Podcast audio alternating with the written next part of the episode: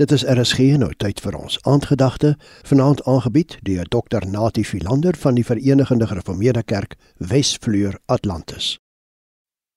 Goeienaand, liewe luisteraars. 'n Kollega het by geleentheid gesê: "Geloof het ook 'n klaarkant, 'n vraakant, 'n feesbalkant.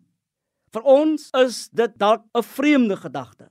Ons het immers groot geword met die idee dat dit wat verkeerd is om daaroor te kla, dat dit ondenkbaar is.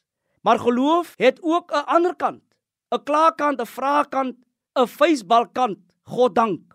Daar is egter ook 'n ander rede waarom ek bly is dat God ons werklikhede ernstig opneem, maar ook dat God geheel en al opgewasse is daarteen. Miskien moet ek dit vanuit die Nuwe Testamentiese perspektief probeer sê in Psalm 88. Lê nie alleen ons lydingsgeskiedenis nie, maar ook 'n ander, naamlik die van Christus Jesus.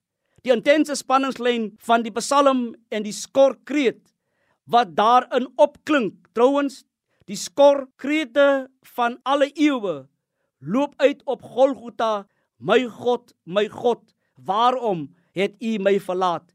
Hierop kopbeen koppie lyk die uitsig nog hopeloser, die prentjie nog donkerder, want waar die digter net vat vat aan die doodryk, waar hy net met die een voet in die graf staan, waar dit vir hom net voel asof hy al tussen die dooies is, word dit in Christus Jesus tot sy uiterste toe voltrek.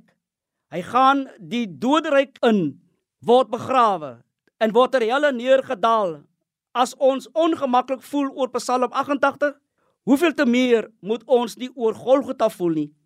Wanneer Christus gekruisig word, gebeur daar werklik iets ontsettends. Hier het die lewe volledig dood gegaan. Jesus blaas die laaste asem uit. Daar is duisternis op die aarde, 'n doodse stilte. Die lig van die opstanding skitter tot die donkerste hoeke van ons menslike bestaan. En daarom as hy opstaan sê die engele hy is nie hier nie. Hy het opgestaan. Daarom gloei Psalm 88 van opstandingshoop. Amen. Die aandgedagte hier op RSG is vanaand aangebied deur Dr Natie Philander van die Verenigde Gereformeerde Kerk Wesvleur Atlantis